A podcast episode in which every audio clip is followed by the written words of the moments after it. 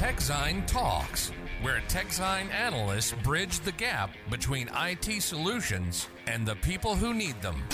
TechZine is your single source of truth. For more information and insights, visit techzine.nl or techzine.eu. Don't forget to subscribe to this podcast. Ja, welkom bij weer een nieuwe aflevering van TechScene Talks. En deze week praten we over de zorg, Sander. Ja. Ja, want het blijkt uit uh, onderzoek van uh, Software One dat zorgorganisaties hun IT-security niet zo goed op orde hebben. Ja, dat verbaast me niks. Nee, mij ook niet. Nou ja, maar... niet, alleen, niet alleen bij zorgorganisaties, hoor, maar gewoon in het algemeen hebben, ze, hebben de meeste organisaties niet goed, op orde. Dus dat verbaast me niet zo heel veel, nee. Nee, maar goed, um, we, we, we, vonden wel een aanleiding om hier uh, wat, wat, wat dieper op in te gaan. Dus uh, we hebben uh, twee gasten vandaag zelfs. In plaats van, nou, normaal één gast of twee, maar nou, de, nou we weer twee. Hè? Ja. Leuk. Ja, leuk. Goed, goed verhaal. Ja, goed verhaal. Um, we hebben Tim Jonker, hij is Solution Advisor Security bij Software One. En Gert van der Lee, hij is Business Development Manager Healthcare bij Software One.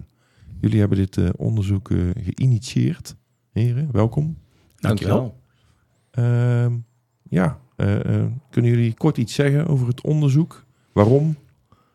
Zeker. Um, ja, wij, One, we hebben eigenlijk nou, ongeveer een jaar geleden... Uh, kwamen we met het, hadden we de behoefte om meer te weten te willen komen over de, de, de zorgsector. En dan met name over hoe de zorg naar zichzelf kijkt. Um, hoe een zorginstelling zichzelf beoordeelt op bepaalde thema's. Denk aan security, denk aan wet en regelgeving, uh, denk aan innovatie. Um, hoe kijkt de zorginstelling naar zichzelf? En ook belangrijk, hoe kan die zorginstelling dan um, zichzelf vergelijken met de sector? En om die reden hebben we eigenlijk gedacht van laten we een benchmark doen. Laten we uh, grote zorginstellingen vragen voorleggen over bepaalde thema's. En um, ja, uh, om zo de markt te informeren over de, ja, uh, waar ze staan en waar de, waar, de, nou, waar de mogelijkheden en waar, de, waar ze mee bezig zijn. Um, en ook om, zodat wij daar als Software One um, die zorginstellingen daarbij kunnen ondersteunen. Uh, om mee te kunnen denken over de thema's en over de uitdagingen waar ze mee zitten. Oké. Okay. Nou ja, ik heb uh, wat cijfers bekeken en het onderzoek bestudeerd. Uh, wat goed is om te weten voor de luisteraars, denk ik, is dat uh, van al die grote organisaties ongeveer 31% is een ziekenhuis, ja. 17% is een GGZ-instelling. En dan ja, het overige deel is een beetje verdeeld in allerlei andere ja. soorten. Ja, je ziet verschillende branches natuurlijk binnen ja. de zorg. wij als Software One bedienen ook eigenlijk alle zorgbranches uh, die er zijn. Uh, denk aan GGZ, denk aan VGN, uh, denk aan ouderzorg, jeugdzorg en, en natuurlijk ook de ziekenhuizen. En eigenlijk over dat hele ehm, segment hebben we het onderzoek laten uitvoeren. Is het, is het een, groot, een groot focusgebied voor jullie, de zorg? Zeker, ja. Wij hebben binnen Software One acht mensen die ja, echt specifieke kennis hebben van de zorgsector. Ehm, eigenlijk dagdagelijks met zorginstellingen praten ehm, verschillende zorginstellingen. Maar je ziet wel dat overal uh, die zorginstellingen met dezelfde uitdagingen uh, bezig zijn uh, en dezelfde thema's bezig zijn. Um, en wij als Software One, ja, met onze kennis van de markt, kunnen wij hen daarbij ja, uitermate goed bij, bij ondersteunen. Ja. Oké, okay, nou tijd om er dieper op in te duiken. Zo, dat was Sander zijn favoriet onderdeel, de bumper. ja. Dat is terug geen grapje hoor, maar dat is... Ja, nee. um, ik heb dat onderzoek, zoals gezegd, vanmorgen bekeken. Uh, een van de cijfers uh, die mij wel heel erg opviel was dat... Um, jullie hebben gevraagd hoe goed de IT-vaardigheden van de medewerkers zijn. Hoe goed zij kunnen omgaan met alle geleverde IT-voorzieningen. Ja. En dan kwam uit op een onvoldoende. Het was weliswaar net, een 5,4. Maar mm -hmm. dat is toch wel een beetje schrijnend. Ja, ja maar dat is ook... Um kenmerkend voor, voor de zorg. En uh, kijk bijvoorbeeld naar ziekenhuizen, daar werken uh, heel veel mensen. Uh, er loopt heel veel personeel rond die nou, weinig tot geen affiniteit heeft met, met ICT. Maar zijn, zijn dan de toepassingen ook gewoon niet gebruiksvriendelijk? Nou ja, dat, dat weet ik niet. Ik denk dat ze aan zich best wel en zeker gebruiksvriendelijk zijn. maar op het moment dat een gebruiker niet awareness heeft uh, of, of de affiniteit heeft om met die applicatie om te gaan of te weten van ja, wat moet ik wel doen en waar moet ik, eh, wat moet ik niet doen, ehm, ja, blijft dat natuurlijk een, een risico. Oké. Ja, Je maar je, ja, gewoon, Je ziet sorry. ook natuurlijk dat de, dat de ja, werkzaamheden van veel mensen binnen zorginstellingen helemaal niet gefocust zijn op achter een werkplek zitten, achter een computer zitten, maar voornamelijk gewoon een hand aan het bed Ja. of, eh, of op een andere manier. Hè, dus de werkzaamheden die ze moeten verrichten, die zijn gefocust op ja, daadwerkelijk fysieke handelingen. Ja. Ehm, en op het moment dat er dan veranderingen plaatsvinden op die werkplek, ja, dan is dat best wel een, een, een grote verandering voor de medewerkers. Daarin zien wij als Software One ook dat het heel erg belangrijk is om ook die adoptie mee te nemen op het moment dat er keuzes gemaakt worden voor nieuwe technologieën. En dus we hebben daar ook echt een stappenplan voor. Op het moment dat er een keuze gemaakt wordt voor een nieuwe technologie, hoe zorgen we dan niet alleen dat de IT-afdeling ervan op de hoogte is, maar hoe zorgen we er ook voor dat de medewerkers die ermee moeten werken ook daadwerkelijk snappen hoe het werkt. Ja. Maar je ziet ook dat uit het onderzoek blijkt ook dat eh, men vindt ook de- dat medewerkers te veel tijd kwijt zijn aan administratieve werkzaamheden. Dat erkent eigenlijk elke zorginstelling. Ja, maar dat is ook daar een oplossing bekend, voor ja. vinden. Dus dat, die handen aan het bed waar jij het over had, die, eh, die staan, zitten heel, heel vaak zitten ze op toetsenbordjes te... Mhm. eh, te Ja, en Zo mensen die willen zorg, dat is eigenlijk, kijk, ehm, eh, die, mensen willen zorg verlenen. Dat is de passie. Ja. En ze willen niet de continu. Maar zijn Nou ja, jullie- ik, zou het eerder andersom stellen. Ik, ik vind het helemaal niet zo relevant of, eh, of de IT-kennis van, eh, van, van, van, van, al- van mensen ergens is. Dus, dus, dus moeten er eigenlijk helemaal niet eh, over Nee, na moeten denken. Daar ben ik wel mee eens. Maar, maar de, de vervolgvraag die ik daar dus op had, was eigenlijk van... zijn die, die, die, die softwareontwikkelaars die die applicaties ontwikkelen voor de zorg... zijn die zich ervan bewust dat het juist zeer gebruiksvriendelijk moet en snel... en dat het niet allemaal... ja, dat ze het niet te complex moeten maken... maar dat, dat je op een, op een meer eenvoudige manier... de benodigde data kan inkloppen als het ware... Ja. zodat mensen snel verder kunnen met hun handelingen. Want ja, we kennen allemaal de, de, de wat ver- verouderde software met 5000 opties en, en, en, en invulveldjes en tapjes en weet ik het. Dat werkt niet. Ja, nee, ja, dat, dat klopt. Maar het blijft nu zo. Kijk hoe simpel of hoe gebruiksvriendelijk een applicatie ook is.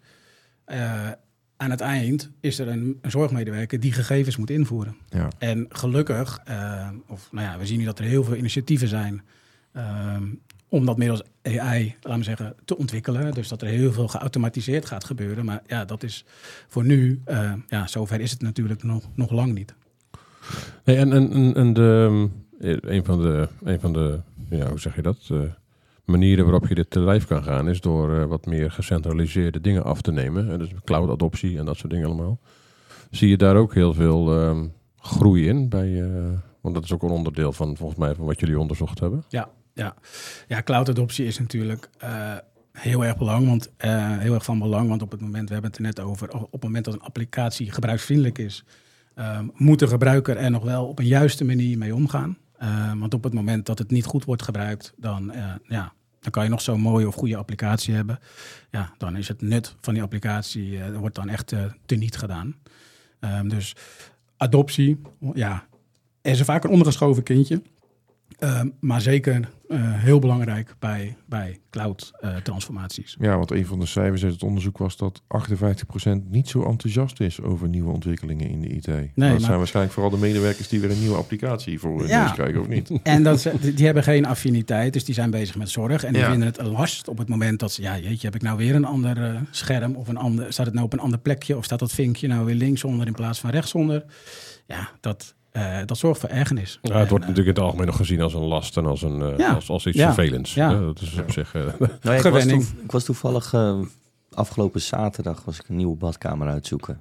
dus een man die kwam, die ging mij helpen en eh die klikt zijn programmaatje open en die begint eigenlijk meteen te, te zeuren van nou, net een nieuwe applicatie en eh, ik heb al 15 jaar lang met die ander gewerkt en ik wist precies hoe het was en geloof me Tim, ik was meteen klaar geweest. Ik had me nu al klaar geweest met jouw badkamer. Ik zei, Oké, dat, dat was heel snel.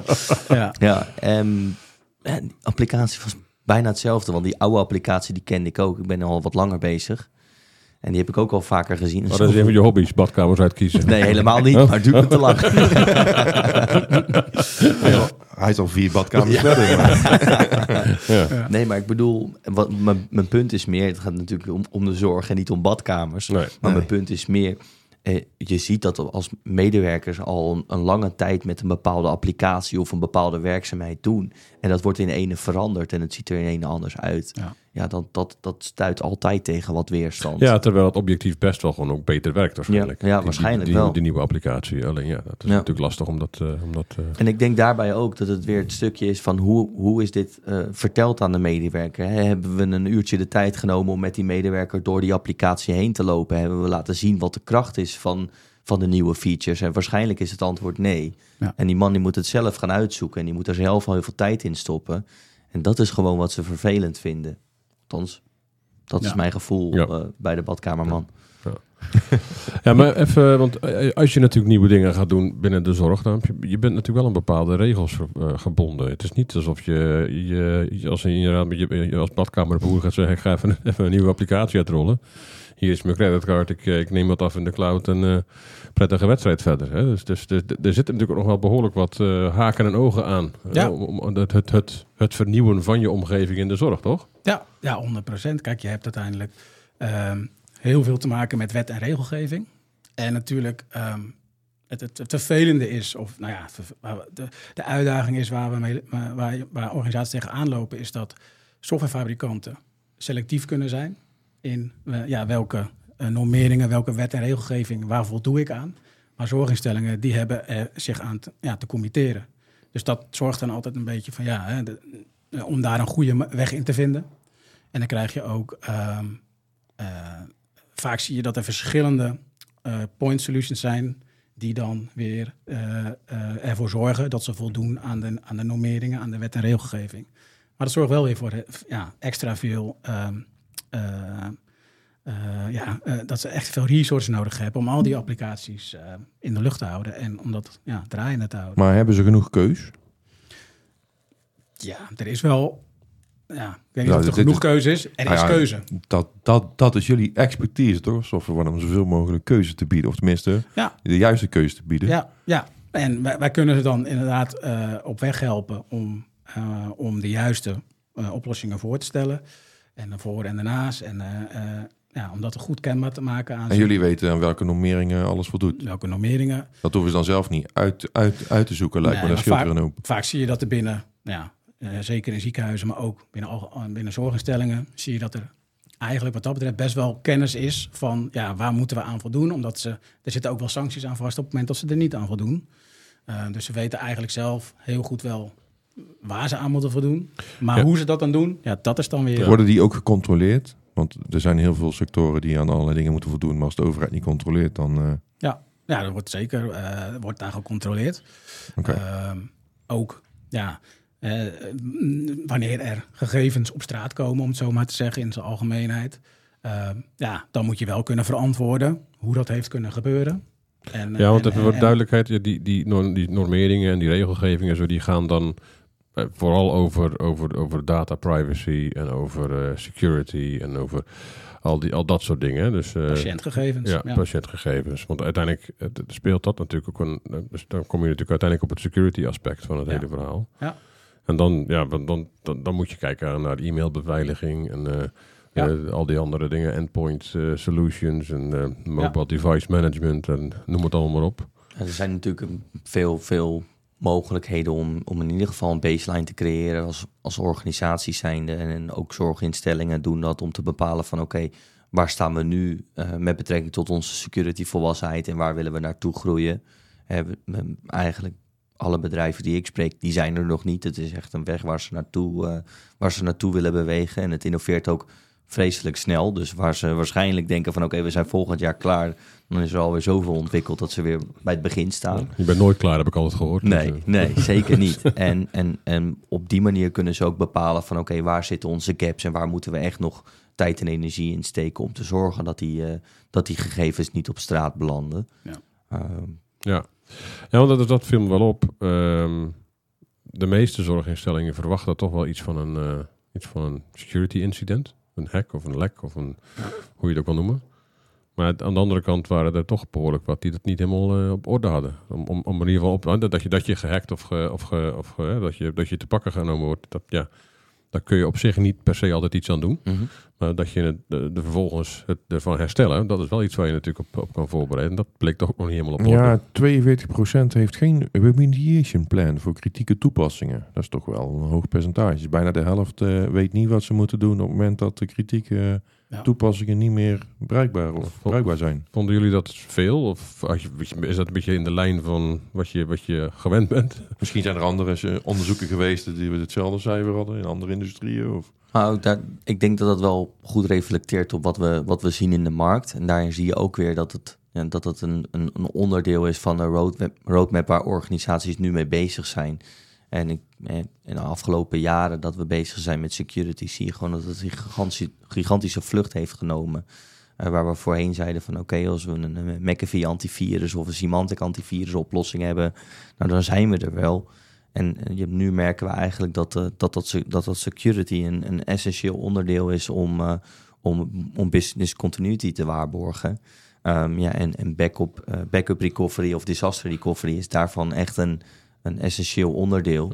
En organisaties zijn daar nu mee bezig om dat ja, goed in te richten. Kunnen, kunnen gezondheidsinstellingen wel snel dit soort dingen doen? Door al die normeringen en al die eh, extra dingen waar ze aan moeten voldoen. Kunnen ze wel snel schakelen? Is Nee, dat, is dat Ik mogelijk? ben, ben ervan overtuigd dat ze snel kunnen schakelen. Ik ben er ook van overtuigd dat ze daar hulp bij nodig hebben. En dat ze specialistische organisaties nodig hebben die hun kunnen helpen om te bepalen van oké, hoe ga je dat dan doen? Ehm, denk dat dat zo complex is eh, voor ja, zorginstellingen ook. De- Maar zit dan die complexiteit in de... In, in, de- in het organisa- organisatorische stuk, dat je, waar we het eerder over hadden, dat er gewoon heel weinig kennis is. Ja, dat er eigenlijk ja. gewoon, en de teams zijn heel klein en dat soort dingen. Ehm, Maar misschien zit het ook nog in andere onderdelen. Ik kan me zo voorstellen.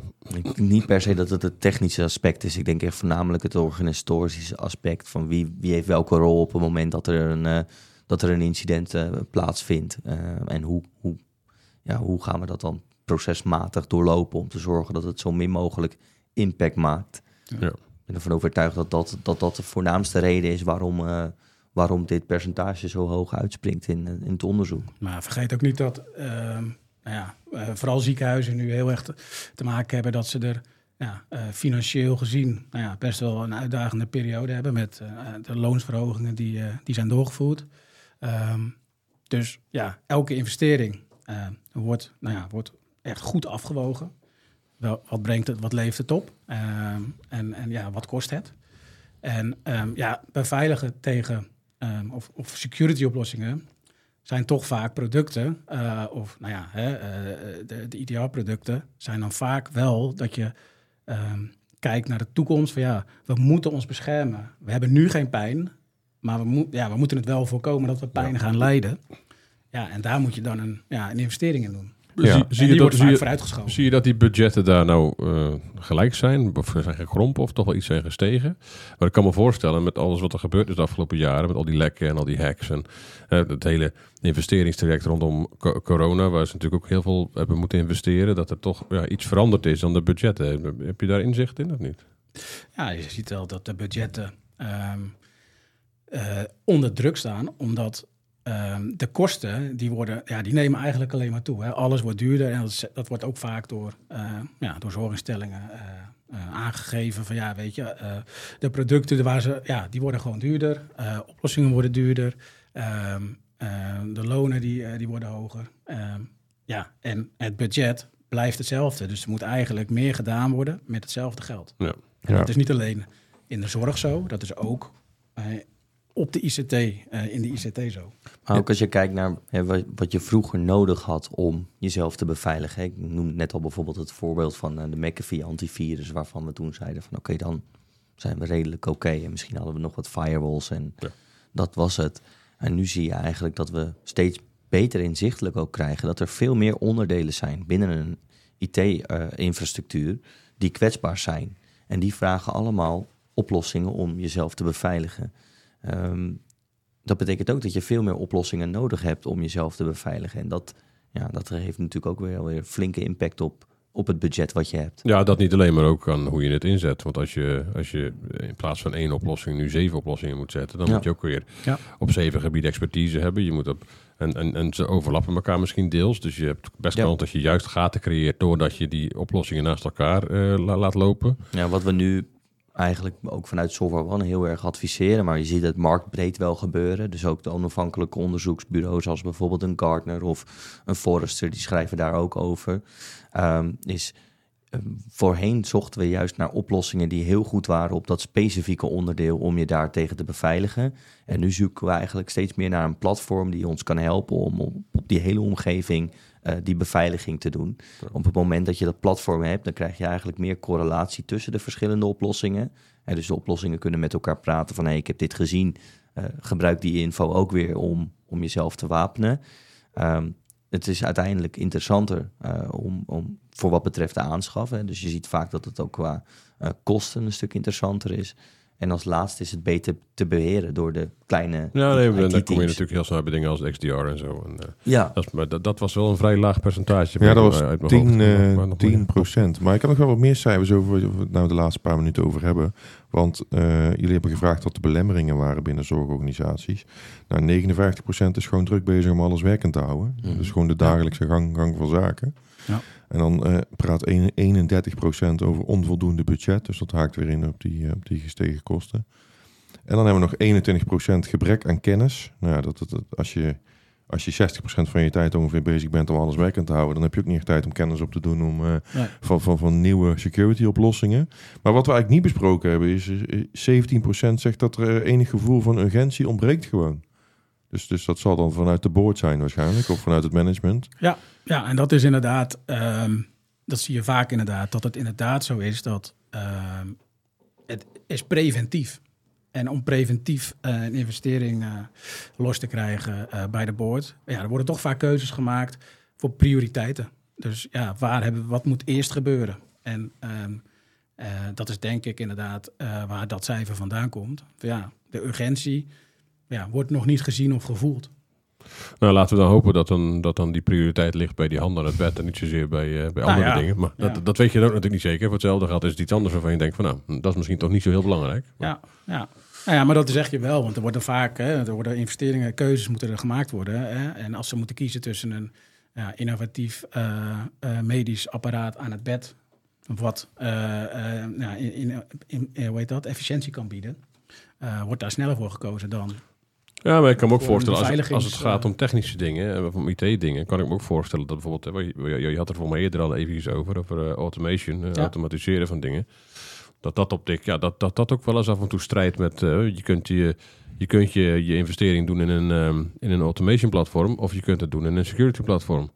Ja, dat, en dan heb je wel, waar is de pijn het grootst bij, bij, bij je organisatie? Nou, Ja. Dan is denk ik de, de meeste mensen zullen zeggen, zeker die, die handen aan het bed moeten doen, die zullen zeggen, ja, met al dat administratieve gedoe, Ja. eh, auto- auto- automatiseer die handel maar zoveel mogelijk.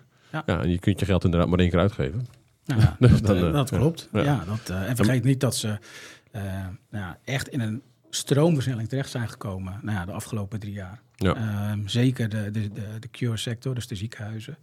Ja, die, die hebben echt enorme stappen gemaakt eigenlijk. Maar zie je nou dat de problemen het groot zijn bij die kleinere zorgorganisaties of juist bij die ziekenhuizen? Want ik kan me voorstellen dat ziekenhuizen over het algemeen ja, misschien toch wat meer geld te spenderen hebben, dat die het makkelijker kunnen regelen? Of Ja. is dat juist niet zo? Nou ja, je ziet toch vaak dat de eh, ziekenhuizen, daar zijn de omgevingen gewoon complexer. We hebben te maken met eh, in eerste instantie het EPD. Dat is eigenlijk, eh, ja, dat bepaalt eigenlijk wat wel en wat niet kan. Er zijn heel veel eh, legacy applicaties, verouderde applicaties, waar weinig kennis van is en die moeilijk te innoveren zijn. Ehm, dus je ziet vaak dat bij ziekenhuizen ehm, de innovatie eh, complexer is en dus ook eh, meer geld kost. En dus ook eh, ja, langzamer gaat Ja, die dan zitten, bij zorginstellingen. Die zitten min of meer in een soort van meer stromenland waarin je Ja, Dus eh, je moet en je applicaties moderniseren en je moet eh, zorgen dat alles wat meer geautomatiseerd wordt en je moet zorgen dat alles veilig ge- gebeurt. Ja, nou ja, dan wordt het wel dat. een hele, ja, dan zit je dus met drie uitdagingen tegelijkertijd. ja, ja, dus dat, ja, dat is zeker zo. Ja, en voor een deel zal, zal, zal, zal de gang naar de cloud daar misschien wat, wat oplossingen, wat, wat, wat soelaas bieden. Maar ja, alsnog moet je wel zorgen dat je, eh, dat je de boel goed beveiligt natuurlijk. Ja. En Ja. dat is wel een... eh, ja, dat is, dat is in geen enkele sector makkelijk hoor. Maar ik denk dat het in, eh, in zo'n in, in een enigszins verouderde, ja, als ik het mag zeggen, enigszins verouderde sector, eh, is dat een extreem eh, in, in nog, nog een stuk ingewikkelder, denk ik. Ja, Ja. Je ziet nu natuurlijk ook in, in, in bijvoorbeeld Amerika of in, in de UK zie je steeds vaker ook hacks plaatsvinden op zorginstellingen, op ziekenhuizen. Laatst eh, had ik een artikel gelezen waarin een, zorg, een ziekenhuis was, eh, was gebreached. Er konden geen ambulances meer aankomen. Ja, je spreekt wel meteen over eh, een, een, dermate groot incident dat het ook mensenlevens kan kosten. Ja. Dat zijn ook de predictions vanuit Gardner natuurlijk. Dat hè, hackers die gaan ook steeds verder om genoeg geld te kunnen verdienen. En die zullen dus ook steeds meer ja, gaan kijken van oké, waar is de impact zo groot dat mensen wel snel heel veel geld gaan betalen.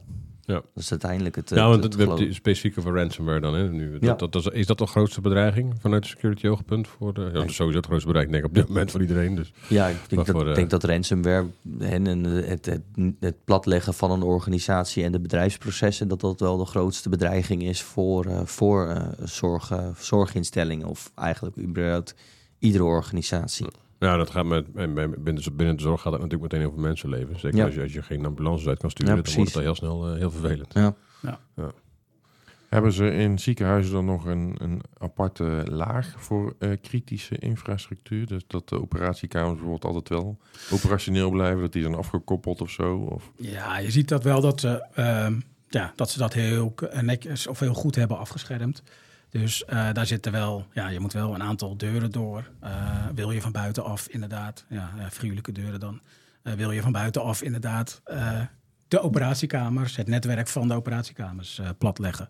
Dus, ehm, maar niet, maar weet je, het is, wel, het is eh, niet onmogelijk. Dus je moet daar wel bewust van zijn, van de risico's die het eh, Zie, met zie, zie je er ook veel onwetendheid, of in ieder geval toch, ja, ja noem het maar gewoon onwetendheid, rondom de, de, de, de, de security van al die aangesloten apparatuur die tegenwoordig ook in, in die ziekenhuizen staat. Want die, tegenwoordig kun je al die scanners en zo, maar die hebben ook allemaal een ethernet-poort. Ik- Die kun je, ergens binnen prikken. Ze weten het wel. Ze weten ja, het wel. ze weten het wel. Oké. En dit, en, maar daarbij ook weer, hè, je hebt het toevallig over een CT-scanner. Zo'n CT-scanner, eh, je, je zou zeggen van dat is vrij eenvoudig te, eh, te beveiligen. Maar die CT-scanner van Siemens of Philips, eh, Mhm. welke partij dat dan ook gemaakt heeft, die geeft daarin eh, ook weer richtlijnen mee van wat mag je daarmee doen of wat niet. Je kan daar niet zomaar software op, op loslaten. Dus er zijn andere manieren eh, nodig om dat soort eh, apparaten te beveiligen. Ja. Dus ook meteen wel weer een uitdaging voor, voor dit soort organisaties. Van hey, we mogen vanuit de fabrikanten niet zomaar Ja. daar wat mee doen. En Eh, je- want dan vervalt onze Nee, garantie. je komt dan namelijk ook in de, dat is een van mijn stokpaardjes momenteel, je komt dan namelijk ook in de OT-security Ja. terecht. En dat is een, echt wel een andere wereld dan, eh, dan IT-security. Ja. Dat kun je niet zomaar even aan elkaar knopen. Maar Dat je, is, hebt, eh, ja, je hebt heel echt eh, ja, bijzonder veel eh, data als het gaat om eh, afbeeldingen van die scanners, eh, die paksystemen. Dat is een enorme hoeveelheid data. en die moet bewaard blijven. Ja, waar wordt die opgeslagen? Ga je dat in de cloud opslaan? Ja, dan moet je dat heel goed beveiligen, want dat zijn natuurlijk bijzonder eh, gevoelige eh, gegevens. Ja. En dat zijn allemaal hele grote digitale eh, bestanden. Ja. Dat, Hey, ik hoor vaak cloud. Ehm, is dat voor, voor zorginstellingen, is dat vooral private cloud of is dat ook veel public cloud? Nou, je ziet daar een hybride, dus het is veel ook private, maar er wordt ook steeds meer public cloud gebruikt. Ook, ja, eh, ook omdat, je, omdat ze zien van hé, hey, eh, het heeft ook heel veel voordelen om gebruik te maken van, eh, van public cloud. En ehm, Zijn er specifieke onderdelen die daar naartoe mig- gemigre- gemigreerd worden? Of is het meer, is het, is het, een, is het meer een SaaS-verhaal vanuit, vanuit de, als het al gaat Ja. om public cloud? Of is het, zit het meer op ontwikkelplatformen voor, eh, die, die ze zelf, waar ze zelf mee bezig zijn? Maar dat, ik verwacht niet dat de gezondheidszorg heel ontzettend veel dingen zelf ontwikkelt. Maar dat eh, weet ik niet. Maar hoe, Ja. eh, Nou ja, kijk, je ziet daarin het, het, het aantal SaaS-applicaties binnen, binnen zorginstellingen is relatief hoog. En, ehm, eh, en dat staat allemaal ook op, op verschillende plekken. De ene is dat inderdaad private, de andere is dat public. En, ehm, en dat is ook vaak de moeilijkheid om dan, hè, dat komt ook uit het onderzoek, op het moment dat er gevraagd wordt van joh, waar staat je data? Dan is dat vaak niet eh 100% eh, goed te beantwoorden door de zorginstelling. Nou, wat is ook alweer een, eh, een teken is van ja, soms worden er keuzes gemaakt omdat een bepaalde eh, leverancier of een bepaald medisch apparaat dat verwacht. Dus dan ja, word je als ziekenhuis eigenlijk toch gedwongen Ja. eh, om daarin mee te gaan.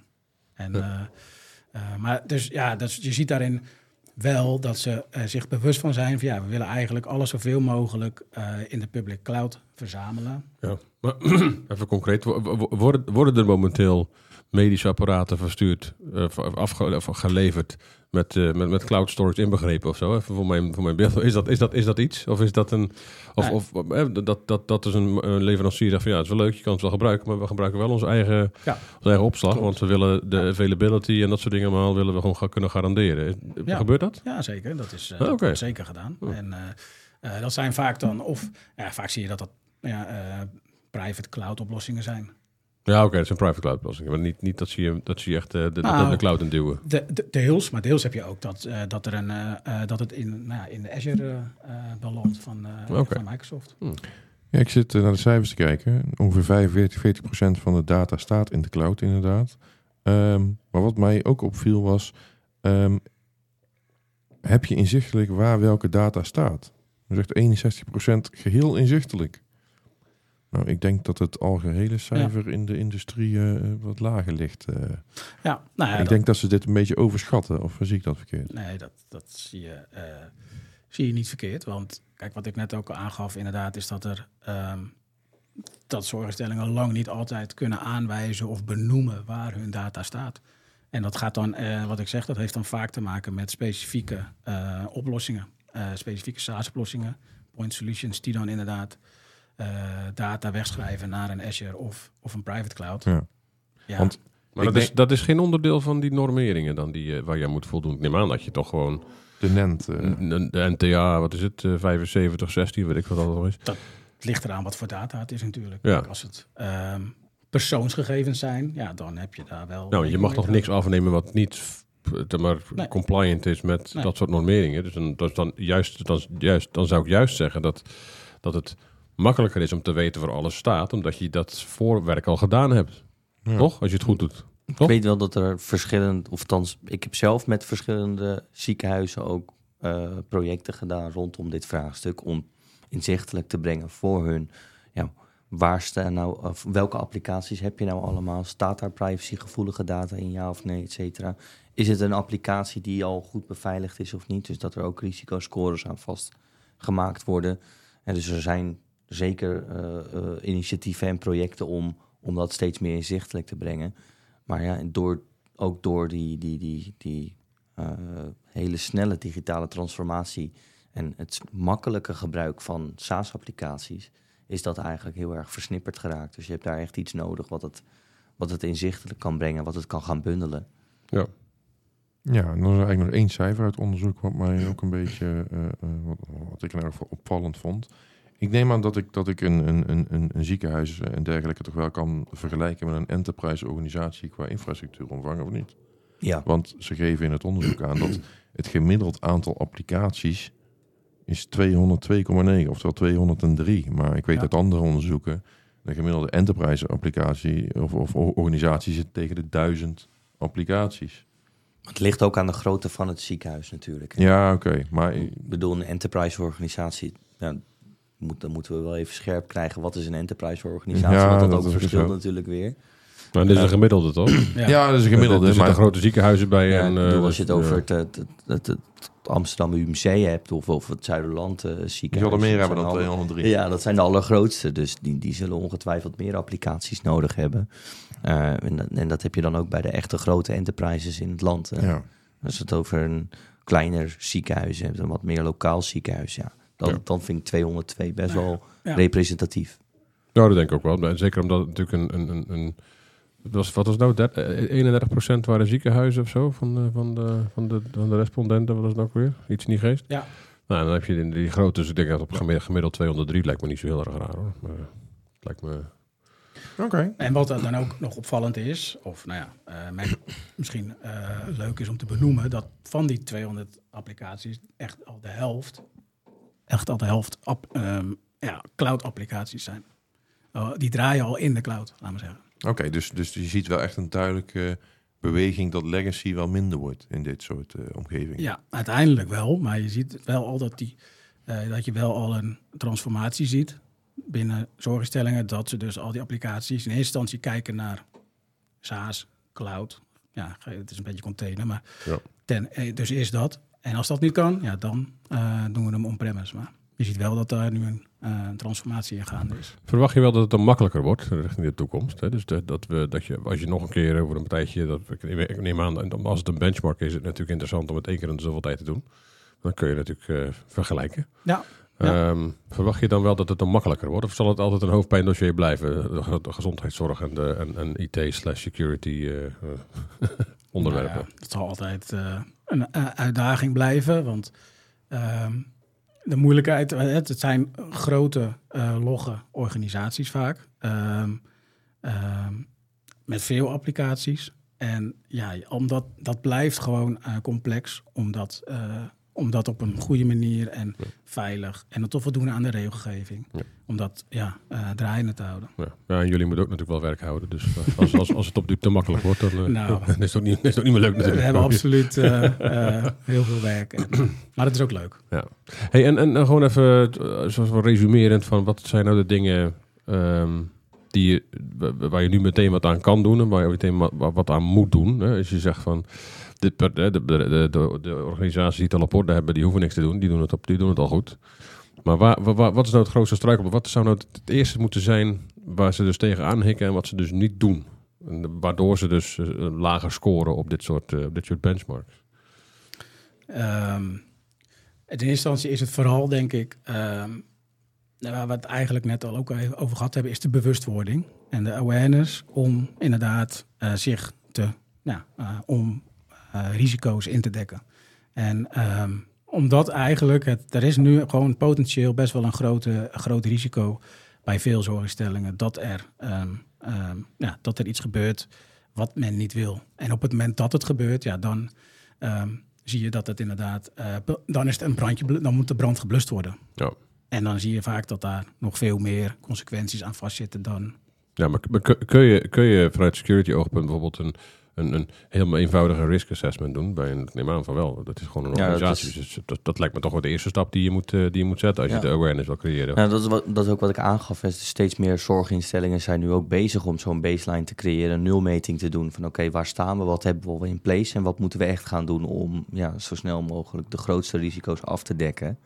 Ehm, wat, wat mij wel eh, opvalt, aanvallen, aanvullend op, eh, op Gert rondom die awareness, is binnen de commerciële sector eigenlijk zie ik dat organisaties heel erg bezig zijn om hun medewerkers te trainen rondom de risico's van security. Daar gebruiken ze verschillende tooling voor, daar doen ze phishing campagnes voor en daarmee gaan ze samen met medewerkers ja, zorgen dat, dat ze phishing kunnen herkennen, dat ze cybersecurity risico's herkennen, waardoor je eigenlijk organisatiebreed eh bezig bent om je organisatie eh, veilig te houden en dat het niet alleen een IT-ding is.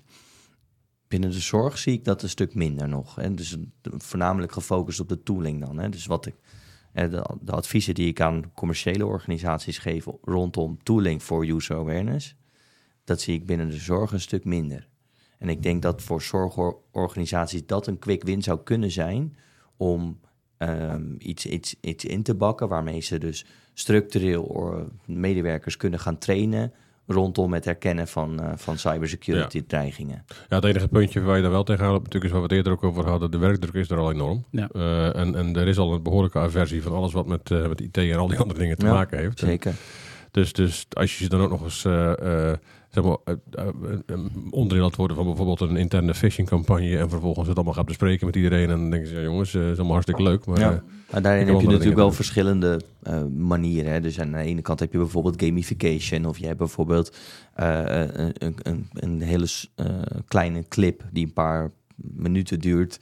Hè? Dus ja, die werkdruk is hoog. Dus we moeten medewerkers niet te veel belasten met eh, niet de handen aan het bed kunnen leveren. Maar aan de andere kant, die, die twee minuten per dag, die kan je ergens nog wel, wel inmeten. nee, daar ben ik met je eens hoor. Maar, maar, ja, maar het is t- perceptie. Hè? Ja, ja, eh, per- perceptie is realiteit, heb ik altijd geleerd. Ja. Dus, eh, dat, is, dat, is in, dat is in dit geval ook. Hey, en ehm, ik nog, nog één ding. Ehm een van de grootste struikelblokken blijft gewoon budget.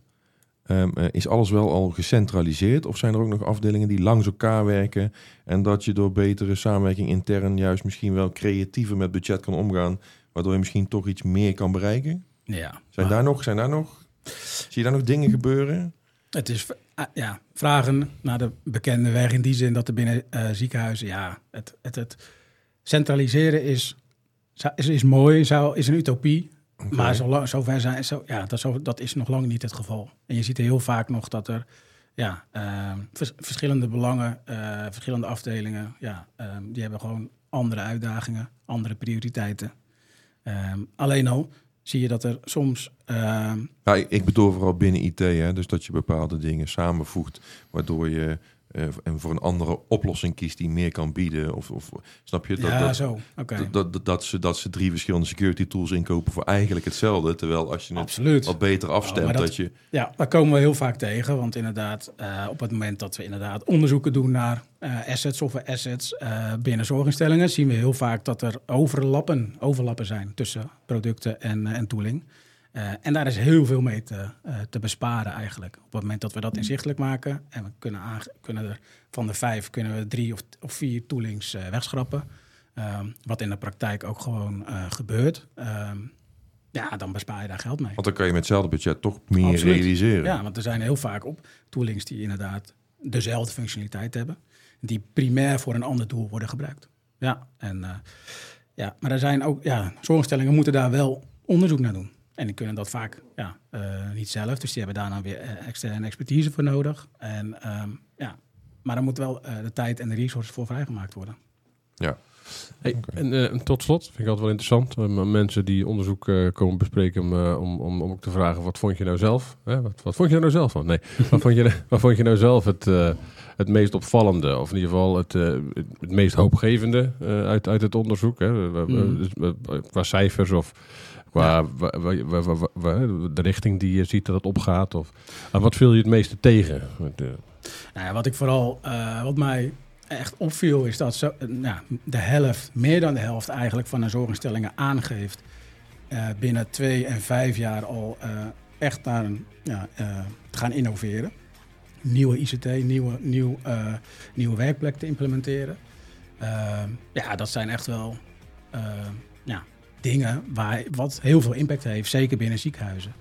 Eh, dus daar hebben we gewoon nog heel veel, eh, daar zijn heel veel stappen nog te maken. Ehm, dat viel me heel erg op. Andere wat me opviel is inderdaad eh, ja, het geval dat ze aangeven van ja, weet je, we zijn uiteindelijk, we weten dat we kwetsbaar zijn, maar we zijn niet voorbereid, niet voldoende voorbereid. En ja, daar moeten we hun gewoon, daar moeten we ze gewoon bij helpen, want dat, ja. dat is Ja. gewoon, dat is niet goed. Jij, nog iets toe te voegen, Tim? Ik heb het voornamelijk vanuit mijn eigen expertise, wat ik zelf met de zorginstellingen bespreek. En ik ben er wel van overtuigd dat ze goed bezig zijn om, ja, om te innoveren rondom security. En vaak weten ze echt wel waar de caps liggen. En is het, is het nu gewoon een, een roadmap volgen om, eh, om bepaalde dingen in te richten. Dus dat, dat geeft me voornamelijk hoop dat, eh, dat ze echt wel op de goede weg zijn. Ja, en die roadmap is dan die twee tot vijf jaar waar jij het, eh, Ja. waar jij het over had. Eh, kunnen we dan verwachten dat we enigszins op, eh, op schema liggen? Of eh, dat, het een beetje, dat, dat, dat, dat we het dan wel goed geregeld hebben? Dus als je over, over vijf jaar nog een keer het onderzoek doet, dan, eh, dan, is het, eh, dan Ja. scoort iedereen een, eh, een mooie een acht of een negen? Of, eh? Ik hoop het wel, maar ik heb geen glazen bol. Nee, nee, nee. Maar goed, Laten we ja, er naar streven. ja, ja, goed, de- de praktijk is vaak wat weer barstiger natuurlijk. De Ja. plannen zijn, maar dat is een beetje het punt. De plannen zijn er altijd heel veel. Alleen de, het zit in de executie natuurlijk. Als dat, eh, dat moet goed gebeuren. Maar goed, Ja. Ja. moeten ze waarschijnlijk software wel bellen. Maar, dan nog even een, kleine pitch. aan het einde. Klopt. Ja, Ja. ja, ja, ja, ja. Ja, Oké. Nou heren, eh, Tim en, eh, en Gert, bedankt voor jullie bijdragen in deze aflevering. Dan eh, dank ik onze luisteraars weer voor het luisteren. Ben je nog geen abonnee? Abonneer je dan op onze podcast via Apple, Spotify, Google en vele andere. Vond je dit een interessante aflevering? Deel hem dan met je vrienden, familie, collega's, kennissen en iedereen die dit maar relevant mag vinden. En dat kan op de bekende social media platformen. En dan eh, tot volgende week. TechZine Talks. Oh ja, en je kan ons ook raten. Dat kan op Apple en Spotify. We ontvangen altijd graag 5 sterren. Dankjewel. visit techzine.nl or techzine.eu. Don't forget to subscribe to this podcast.